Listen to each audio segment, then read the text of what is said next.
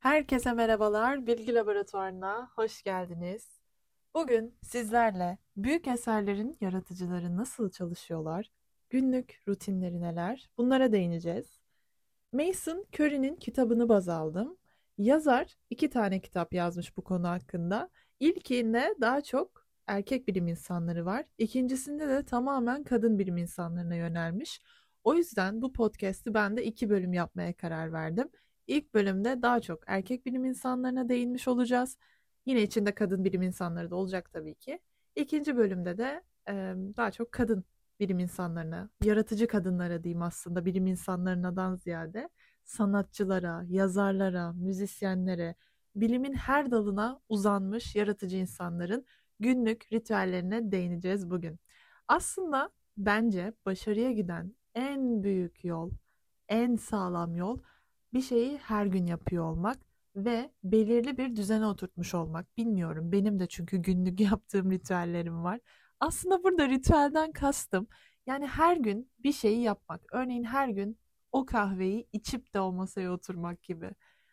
Ee, burada aslında bu bölümde yazarların, müzisyenlerin, bilim insanlarının ne kadar ilginç ve ne kadar can alıcı günlük e, yaptığı böyle rutin işler olduğunu fark edeceğinizi düşünüyorum. Ben çok çok şaşırdım ve çok keyif aldım bu kitabı okurken. Hadi gelin başlayalım. Şimdi Mozart'la başlıyoruz. Mozart aslında günlük yaptığı ritüellerini 1782'de kız kardeşine yazdığı bir mektupta ayrıntılı bir şekilde anlatmış. Şöyle girmiş söze. Saçım her zaman sabah 6'da hazır olur, 7'de tamamen giyinmiş olurum demiş. Sonra 9'a kadar beste yapıyormuş Mozart. 9'dan 1'e kadar ders veriyormuş ve daha sonrasında eğer bir yere davetliyse öğlene kadar bu davete gitmeye ve orayı da bitirmeye kafasında oraya da tik atmaya çalışıyormuş. Saat 1'de mutlaka öğle yemeğini yiyor oluyormuş. Akşamda saat 5 veya 6'dan önce çalışmaya başlamıyor. Çünkü genelde o saatlerde kendi gerçekten verimli hissediyor. O saatlerde ya bir konseri oluyor ya beste yapıyor. Bu şekilde akşamını geçiriyor. 10 ya da 11 buçuk gibi de artık uyumaya hazırlanıyor. Mozart'ın rutini böyle mesela. Gelelim Beethoven'a. Aslında Beethoven'ın çok ilginç bir günlük ritüeli var. Bunu eğer beni Instagram'dan takip ediyorsanız biliyor olabilirsiniz. Çünkü kahve ile alakalı bir Reels yapmıştım. Ve o Reels'ta Beethoven'ın kahvesini 60 çekirdekle içtiğini söylemiştim. Her bir fincan başına 60 tane kahve çekirdeği olmazsa Beethoven kahve içmiyor arkadaşlar. Yani bilmiyorum neden. Gerçekten ilginç. E, Beethoven şafakta uyanıyor. Tam böyle şafak sökerken. Çok oyalanmıyor. Hemen işe başlıyor. Kahvaltısını da çok büyük bir özenle hazırlarmış. Yani e, bunun zaten fincan başına 60 tane kahve çekirdeği içmesinden anlamalıyız diye düşünüyorum. Ve çalışma masasına oturuyor kahvaltıdan sonra. Öğlen de 2 ya da 3'e kadar çalışıyor. Arada dışarı çıkıp molalar veriyor. Beethoven çok yürüyen biri ve yürümenin ona çok iyi geldiğini ve onu üretken olmaya itelediğini düşünüyor aslında. Öğle yemeğinden sonra da hemen e, yine yürüyüşlerini de bitirdikten sonra aklına gelen fikirleri yazabilmek için cebinde bir kağıt taşıyor ve eğer o sırada yürüyüşteyse yürüyüşte not alıyor, dışarıdaysa dışarıda not alıyor. Not almak onun resmen böyle imza hareketi diyebilirim. Akşamları çok çok nadir müzikle uğraşıyormuş. Genelde hafif bir akşam yemeği yermiş. Bir kase çorba gibi ya da önceki öğünden ne kaldıysa onu yani çok ilgilenmezmiş akşam yemekleriyle aslında. Ve zaten e, en geç de 10'da yatmış oluyormuş. Bir de sıra dışı bir banyo alışkanlığı varmış Beethoven'ın. Yani yıkanmak, banyo yapmak onun için aşırı önemli ve çok acil bir, çok elzem bir ihtiyaçmış aslında. Böyle her sabah çalışmadan yani çalışmaya başlamadan önce aynı böyle abdest alır gibi büyük bir testiden eline, kafasına, her yerine su döke döke böyle bir yıkanma seansı varmış. Ve resmen e, artık böyle bazen o kadar çok aşağı katına banyosundan aşağı katında oturan komşusuna su dökülüyormuş ki yani kimse Beethoven'ı kiracı olarak almak istemiyormuş. İnanılmaz garip gerçekten. Gelelim Benjamin Franklin. Franklin yani bence Franklin'in kesinlikle örnek alınması gereken ilginç bir yöntemi var. Her hafta belli bir erdeme vakit ayırıyormuş. Örneğin ölçülü olmak, temiz olmak, ılımlı olmak gibi. Daha sonra da bu erdemleri eğer ihlal ederse kendine bir takvim yapmış ve o takvime işliyormuş. E, mesela böyle şunu düşünüyormuş. Bütün bir hafta boyunca eğer belli bir şeye bağlılığını koruyabilirse daha sonra onun alışkanlığa dönüşeceğini düşünüyor ki çok doğru bence. Örneğin bir hafta boyunca kesintisiz bir şekilde ölçülü davranırsa, ılımlı davranırsa ya da onu takvimine işliyormuş ve böylelikle artık bunu bir alışkanlığa dönüştürüyormuş. Bu programı onun için gerçekten çok işe yarıyormuş. Ee, gerçekten bana ilginç geldi ama çok çok güzel bir hareket.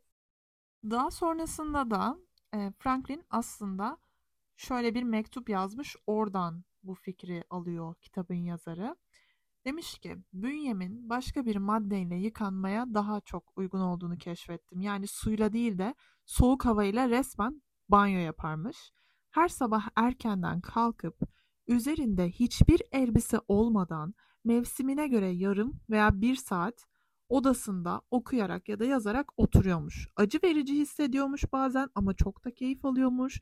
Bildiğiniz buz gibi bir odada çıplak bir şekilde iki saat ya da daha üzerinde okuyormuş ya da yazıyormuş. İlginç bir rutin. Kendisine çok iyi geldiğini iddia ediyor bunun bu arada. Peki Ece, bütün büyük insanların bir rutini mi var? Herkesin mi bir günlük ritüeli var ya derseniz eğer. Hayır. Mesela Chopin. Eserleri tamamen kendiliğinden ve mucizevi bir şekilde daha önceden planlamadan, aramadan önce yani hiç herhangi bir ritüel, günlük bir şey yapmadan e, direkt olarak piyano başındayken aklına gelirmiş mesela. Hiçbir şey yapmazmış yani bazen sadece bir yürüyüş esnasında eserleri kafasının içinde çalmaya başlarmış ama onun haricinde herhangi bir böyle ritüeli, günlük yaptığı e, özel bir şey yok. Tamamen dümdüz bir şekilde piyano başındayken aklına geliyor mesela. Hani onun da herhangi bir ritüeli yok mesela. Bu da çok ilginç aslında. Gelelim Freud. Freud, çalışmanın olmadığı bir hayatı tatmin edici bulmam mümkün değil demiş. Oğlak burçları bunu beğendi. ben katılıyorum Freud'a ya. Ben de çok seviyorum çalışmayı. Ama kendim için yani. Kendi işlerim için. çok seviyorum gerçekten. Freud her gün saat 7'de kalkıyor. Kahvaltı yapıyor ve evine her gün uğrayan bir berberi var. Ona da sakallarını düzelttiriyor. Ardından da saat 8'den öğlene kadar analize gelen hastalarını görüyor ve günün ana öğününü yiyor sonra da. Yani hastalarını görmeden günün ana öğününü yemiyor. Ee, şarap ve tavuktan nefret ediyor. Genelde hep haşlanmış biftek tarzı şeyler yiyor. Ve yemek yemeyi gerçekten çok sevdiğini söylüyorlar. Ee, ama böyle yemek yemeyi sessiz bir konsantrasyon eşliğinde yiyormuş. Yani yemeği baya bir aslında kendine günlük ritüel gibi yemeği hissede hissede yermiş. Ee, daha sonra hatta böyle eğer başka bir aile üyesi falan yanında olursa ya da misafir olursa onlar Freud'un sessizliğinden genellikle huzursuz olurmuş. Çünkü yemek yerken direkt dış dünya ile ilişkisini kesermiş. Freud boğa burcu herhalde. Ee, akşam yemeğini yedikten sonra da mutlaka yürüyüşe çıkıyor. Ama mesela oğlu diyor ki Freud için inanılmaz büyük bir hızla yürürmüş Freud. Yani yolda bir pro alırmış, yayıncısına uğrayıp kitap düzeltilerini teslim alır teslim edermiş, çok çok hızlı yürürmüş. Saat 3'te hemen muayeneleri başlarmış ve ardından diğer analize gelen hastalarını da akşam 9'a kadar görmeye çalışırmış. Yani çok çok böyle e, çalışmayı seven ve hayatını çalışma planı üzerine odaklayan biriymiş aslında. Çünkü bu kadar şeyi gün içinde yaptıktan sonra akşamın kalanını da çalışma odasında ya okuyarak ya yazarak ya da psikanaliz dergilerinin editörlüğüyle geçirirmiş. Peki ya Jung ne yaparmış? Jung da 1930'lu yıllarda günde 8 veya 9 saat hasta görüyormuş. Ya sık sık ders seminer vermesinin yanı sıra günde 8 veya 9 saat hasta görüyormuş. Buradan gerçekten Damla'ya sesleniyorum. yani dünyanın en iyi psikoloğu ama o da şu an Jung gibi günde 8-9 saat hasta görüyor. Umudunu kaybetme Damla. Gerçek bir Jung olacaksın sen de. Ee, evet. Daha sonra sabah 7'de kalkıyor. Sabah 7'de kalktıktan sonra kahve, salam, meyve, ekmek ve tereyağından oluşan bir kahvaltı hazırlıyor kendine. Daha sonrasında da günün geri kalanında çalışma odasına ya resim yapıyor ya meditasyon. Bazen daha da uzun yürüyüşlere çıkarmış ve hep mektuplara cevap verilmiş. Mesela bu enteresan. Ona gelen her mektuba cevap verilmiş. Gününün hatta bazen e, tamamını bununla geçirdiği söyleniyor ve her gün bunu yapıyormuş. Yani düşünsenize ardı kesilmeyen mektuplar geliyor ona ve hepsine cevap veriyor. İki veya üç gibi çay içermiş. Akşam içinde çok büyük bir öğün hazırlarmış yine kendine. Adı da güneş batıranmış bu hazırladığı öğünün. Bir aperatif yaparmış kendine. O hep onu tüketirmiş. Ve genelde elektrik olmadan yaşıyorum. Ateşi kendim yakıp idare ediyorum. Akşamları eski lambaları yakıyorum. Su tesisatı yok. Suyu kuyudan tulumba ile çekiyorum. Odun kesiyorum ve yemeği pişiriyorum. Bu basit işler kişiyi de basitleştiriyor. Aslında basit olabilmek ne kadar zor demiş bir mektubunda. Genelde gerçekten böyle yaşıyormuş ve bu yaşadığı gerçek hayatı da çok seviyormuş. Yani gerçek hayat asıl hayatın içindeki o tüm zorlukları sırtlayarak yaşıyormuş aslında. Ve bunu da çok seviyormuş. İsviçre'de Bollingen adında küçük bir köyde yaşıyormuş. Kafka, e, Prag'da işçi kazaları sigorta enstitüsünde çalışıyormuş. Franz Kafka. 1908'de burada işe girmiş. Burada işe girdikten sonra saat 8'den 2'ye kadar, 2.30'a kadar ofiste çalışıyormuş. 3.30'da öğle yemeği yiyormuş. Sonra da 7.30'a kadar uyuyormuş. Genellikle hayatı hep bundan ibaret oluyormuş.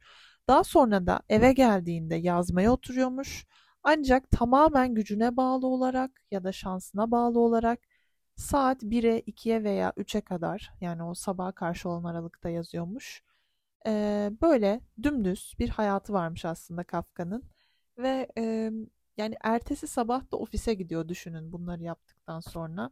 Bilmiyorum belki de gerçekten mesai sonrası yaptığımız şeyler hayatımızı etkiliyordur ve buna Kafka çok büyük bir örnektir. Gelelim Pablo Picasso. Picasso hayatı boyunca geç yatmış arkadaşlar ve geç kalkmış. yani gerçekten ben bunu anlayamam. Çünkü ben sabah 5'te kalkan, kalktığında o sabahın laciverti dediğimiz o havayı solumayı çok çok çok seven bir insan olarak asla bu geç yatıp geç kalkan insanları anlayamayacağım.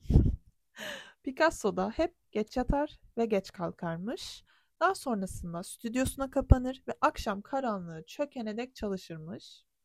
Bazen e, böyle hmm, yemek yermiş. Mesela yemek yerken bazen hiç konuşmadan, hiç sohbet etmeden o da yemek yermiş. Tüm dikkatini bir noktaya verirmiş o da. Aslında birçok büyük eserlerin yaratıcılarında bunu görüyoruz. Dikkatlerini kolay toparlayabilen ve bir noktaya verdikleri o dikkatle, yemeği bile dikkatle yiyen insanlar. Ee, ama hastalık hastası biriymiş Picasso ve son zamanlarda hep maden suyu ve süt tüketiyormuş. Arada da sütlaç ve üzüm yiyormuş mesela. Ve resim yapmak onu asla yormazmış. Bir de pazar gününü ev günü olarak belirlemiş. Böyle bir günde hiçbir şekilde ne arkadaş kabul ediyormuş ne de başka bir şey. Yani çok da eğlenmeyi seven bir insan değilmiş aslında. Çünkü onun için biri diyor ki mesela Picasso asosyal bir halde somurtmakla cana yakınlık arasında sürekli gidip geliyormuş. Ama dediğim gibi resim yapmak onu asla sıkmaz, asla yormazmış.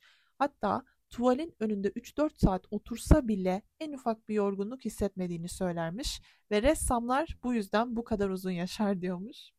Ve sonra şöyle bir söz etmiş, çok hoşuma gitti. Müslümanların camiye girmeden önce ayakkabılarını çıkarması gibi ben de çalışırken bedenimi kapının dışında bırakırım. Aslında tam olarak yine odaklandığını ve işinin önüne hiçbir şeyin geçemediğinin çok güzel bir kanıtı bu söz. Gelelim Agatha Christie, en sevdiğim polisiye yazarı kendisi. Kendisini hakiki bir yazar olarak görmediğini söylüyor. Form doldururken meslek kısmına ev hanımından başka bir şey yazmak aklına bile gelmiyormuş. Ve e, onun aslında tek ihtiyacı sabit bir masa ve daktiloymuş. Yani yazmak için hiçbir şeye ihtiyacı yokmuş. Şöyle bir şey söylemiş. Yatak odasındaki mermer kaplı lavabo masası yazmak için iyi bir yerdi.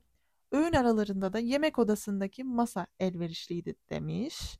Ve pek çok arkadaşım bana kitaplarını ne zaman yazdığını asla anlayamıyorum. Çünkü seni yazarken hiç görmedim. Hatta yazmak için uzaklaştığını bile görmedim demiş. Ee, ve gerçekten yazacağı zaman hiçbir şeye ihtiyaç duymayan bir yazar kendisi.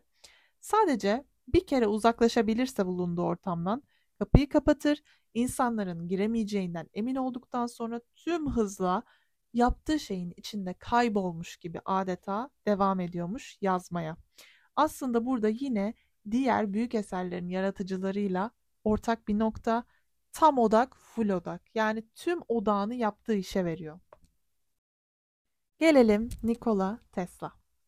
Edison'un New York'taki ofisinde genç bir çırak olarak çalıştığı zamanlarda Tesla sabah 10.30'dan ertesi sabah saat 5'e kadar çalışıyormuş arkadaşlar.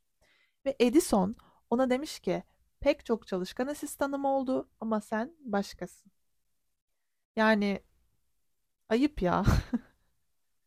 Bilmiyorum siz Tesla'cı mısınız, Edison'cu musunuz? Bunu bana mutlaka yazın. Devam edelim.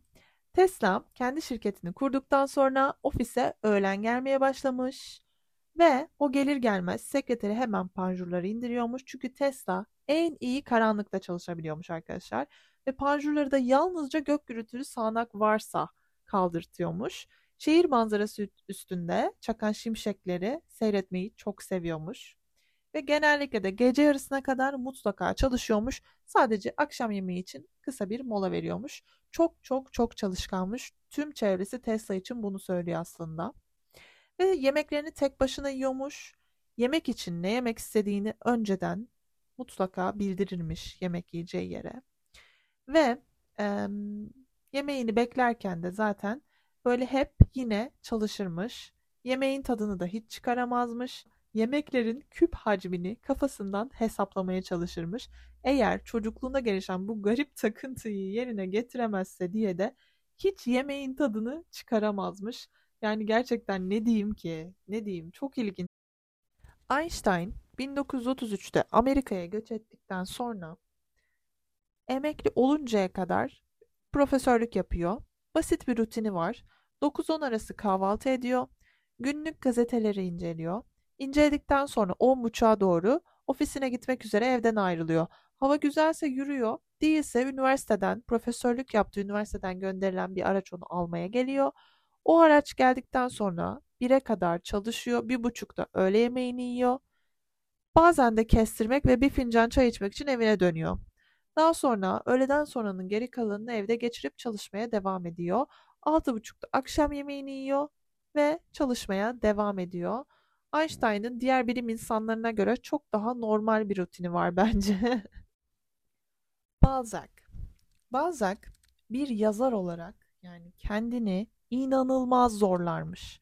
Ve e, bunu yaparken de çok büyük bir edebi hırsı olduğu için bunu yaparmış. Ve arkadaşlar gerçekten Balzac o kadar kahve içermiş ki. Sadece tek ilham kaynağı olarak kahveyi söylüyor. Yani kahveden inanılmaz bir ilham alıyormuş. Hatta tek ilham kaynağı kahveymiş. E, saat 6'da hafif bir akşam yemeği yiyormuş. Sonra uykuya dalıyormuş. Sabaha karşı birden uyanıp yazı masasının başına oturuyormuş ve 7 saat çalışıyormuş. Sadece 90 dakika kestirmek için kendisine bazen izin veriyormuş. Sonra 9.30'dan 4'e kadar tekrar çalışmaya devam ediyormuş. Ve bu arada da fincan fincan sade kahve içiyormuş. Günde neredeyse 50 fincan kahve tükettiği söyleniyor. 4'te yürüyüşe çıkıyor, banyo yapıyor ve sonra yine aynı döngüye başlıyor ve şöyle demiş. Günler güneşin altında kalmış buz parçaları gibi ellerimin arasında eriyip gitti. Yaşamıyor, berbat bir biçimde kendimi tüketiyorum fakat çalışmaktan ya da başka bir sebepten ölmek arasında hiçbir fark yok. Charles Dickens Charles Dickens aşırı üretkenmiş. Zaten biliyorsunuzdur yani çok fazla e, sayısız hikayesi var. 15 tane romanı var. Makale, mektup, oyun ne ararsanız yazmış gerçekten. Sadece mutlak bir sessizlik istermiş, inanılmaz ihtiyaç duyarmış buna ve sesin içeri girmesini önlemek için çalışma odasına birden fazla kapı taktırmış. Yani çok ilginç. Ve çalışma odasını çok titizlikle düzenlermiş. Yazı masası mutlaka bir pencerenin önünde yer almalı. Üzerine kastüyü kalemler ve mavi mürekkepten oluşan yazı gereçleri ve birkaç süs eşyası istermiş. Mutlaka taze çiçeklerle dolu küçük bir vazosu, büyük bir mektup açacağı ve üzerinde tavşan oturan altın yaldızlı bir yaprak ve iki bronz heykelcik olmalıymış. Yani çok ilginç. Ve çalışma saatleri sabitmiş. En büyük oğlu onun için şunu demiş. Hiçbir şehir katibinin onun kadar sistemli ve düzenli olmadığını söyleyebilirim. Demiş. Ve hiçbir can sıkıcı, monoton, geleneksel görevin onun hayal gücü ve fantezi kaynaklı çalışmalarından daha büyük bir dakiklik ya da düzenlilikle yerine getirilemeyeceğini özellikle belirtmiş. Sabah 7'de uyanıyormuş, 8'de kahvaltı ediyormuş ve 9'da çalışma masasına oturmuş oluyormuş. 2'ye kadar hiç kalkmıyor, orada kalıyor. Bazen ailesiyle öğle yemeği yemek üzere kısa bir ara veriyormuş. Bu esnada da zaten yemeğini mekanik bir biçimde hipnozdaymış gibi, hipnoz etkisi altındaymış gibi yiyip hemen aceleyle masanın başına dönüyormuş. Yani sıradan bir günde bu şekilde çalışarak yaklaşık 2000 kelimelik yol kat edermiş. Gerçekten çok çok çok üretken. İnanılmaz üretken yani.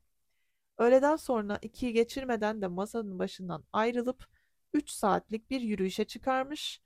Zaten yürüyüşte de hep hikayesini düşünürmüş. Yani yürüyüşte bile üretmeye devam ediyor. Gece yarısı da e, gece yarısı odasına çekilene kadar da yine hikayelerini düşünür. Hani gevşemek için bazen az da olsa kendine vakit ayırıyormuş. Charles Darwin. Darwin ise aslında hayatının sonuna dek e, yani sağlığı bozuk, sürekli karın ağrıları yaşamış, kalp çarpıntıları yaşamış, baş ağrıları yaşamış. E bu yüzden de aslında sebebi bilinmeyen bu birçok hastalığından dolayı da hastalığını da kendisine çok yüklenmesinden kaynaklı olduğunu söylüyor. Sabah 8'de kısa bir yürüyüşe çıkıyor, tek başına kahvaltı ediyor ve sonra çalışmaya başlıyor. Ara sıra koridorda bir masası varmış. Onun üzerinde tuttuğu bir kavanoz. O kavanoza da e, böyle o gün gelen mektupları almak için bir uğrarmış. yani evet yanlış duymadınız. Koridora uğrarmış. O da kesintisiz çalışıyor. O sırada da mesela eşi Emma ile beraber yapıyormuş bu aktiviteyi. Mektupları gözden geçiriyor yüksek sesle okuyor ve sonra tekrar işe dönüyormuş. 10.30'da çalışma odasına dönüyormuş. Öğlene kadar çalışmaya devam ediyormuş yine kesintisiz bir şekilde. Öğle yemeğinden sonra bazen gazete okuyormuş. Yazması gereken mektup varsa onları yazıyormuş. Ve o da aynı Jung gibi her mektubu ince ince cevaplarmış. Ona gelen her mektupların bir tekine bile cevap vermediği olmamış. Çünkü gece uykuları kaçıyormuş, vicdanı rahat etmiyormuş. O yüzden o da bazen bütün gün mektup yazıyormuş.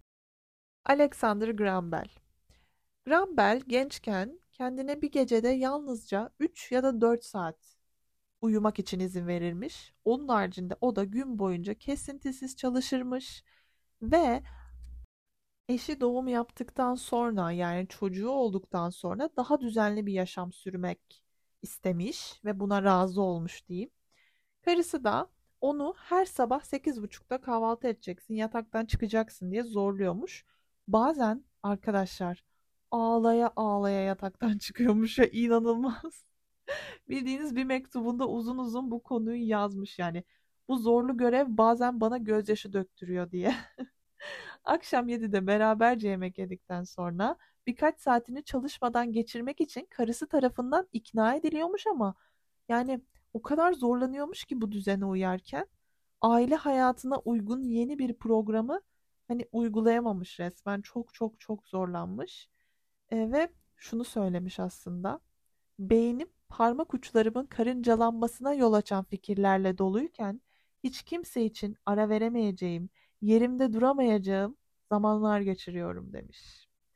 Ve e, buna aslında karısı güceniyormuş. Nihayetinde de artık tamam istediğin gibi bir hayat yaşa demiş. Ve kocasına şöyle bir mektup yazmış. Düşüncelerini ve ilgilendiğin şeyleri yönlendirdiğin o şeyin kalbinde de bir yere sahip olması gerektiğini ve kocamın kalbinin bir bölümünü benden çaldığını bildiğim için gurur duymama rağmen kıskandığım işinin ortasındayken beni düşünüp düşünmediğini merak ediyorum demiş. Biz kadınlar her yerde aynıyız. Van Gogh. Van Gogh e, kardeşine 1888'de yazdığı bir mektupta aslında günlük olarak ne yaptığını yazmış. Bugün yine sabah 7'den akşam 6'ya dek yemek almak için bir iki adım öteye gitmek haricinde yerimden hiç kımıldamadan çalıştım demiş. Ve o da yine Picasso gibi şunu demiş. Kendimi hiç yorgun hissetmiyorum. Hemen her gece bir resim daha yapacak ve onu da başarıyla sonlandıracağım demiş. Gerçekten inanılmaz derecede çalışırmış. Sürekli ama sürekli çalışarak günlerini geçirirmiş. Ama asla yorulduğunu hissetmezmiş. Belki de sevdiğimiz işi yapmanın en önemli getirisi bu. İnsan sevdiği işi yaparken asla yorulduğunu hissetmiyor. Bunu da aslında büyük eserlerin yaratıcılarında sıklıkla görüyoruz. Büyük eserlerin yaratıcılarında sıklıkla gördüğümüz şeylerden biri de yaptıkları işi yemek yemek dahil olmak üzere inanılmaz bir dikkatle yaptıkları Yaptıkları her işi tüm kalbiyle yapıyorlar. Yani resmen buna yemek yemek dahil. Tüm odaklarını o an ne yapıyorlarsa ona veriyorlar. Ben bu kitabı çok çok beğendim. İkinci bölümünde yaratıcı kadınların, büyük eserlerin yaratıcıları olan o kadınların nasıl çalıştığını ve günlük ritüellerinden bahsedeceğiz. Yazar bu kitapta neden bilmiyorum daha çok erkek e, bilim insanlarına, yazarlara, müzisyenlere, ressamlara yer vermiş, sanatçılara yer vermiş. Ama hemen ardından bir ikinci kitap çıkararak aslında kadın bilim insanlarının, kadın sanatçıların da gönlünü almış diyebilirim. İlk bölüm bu kadardı. İkinci bölümde büyük eserlerin yaratıcıları olan kadınların günlük ritüellerinden bahsedeceğiz. Umarım keyifle dinlemişsinizdir. Her türlü geri dönüşünüzü açığım, yorumlarınızı bekliyorum. Sizin de böyle günlük ritüelleriniz varsa lütfen benimle paylaşmayı unutmayın. Kendinize çok iyi bakın. Görüşmek üzere.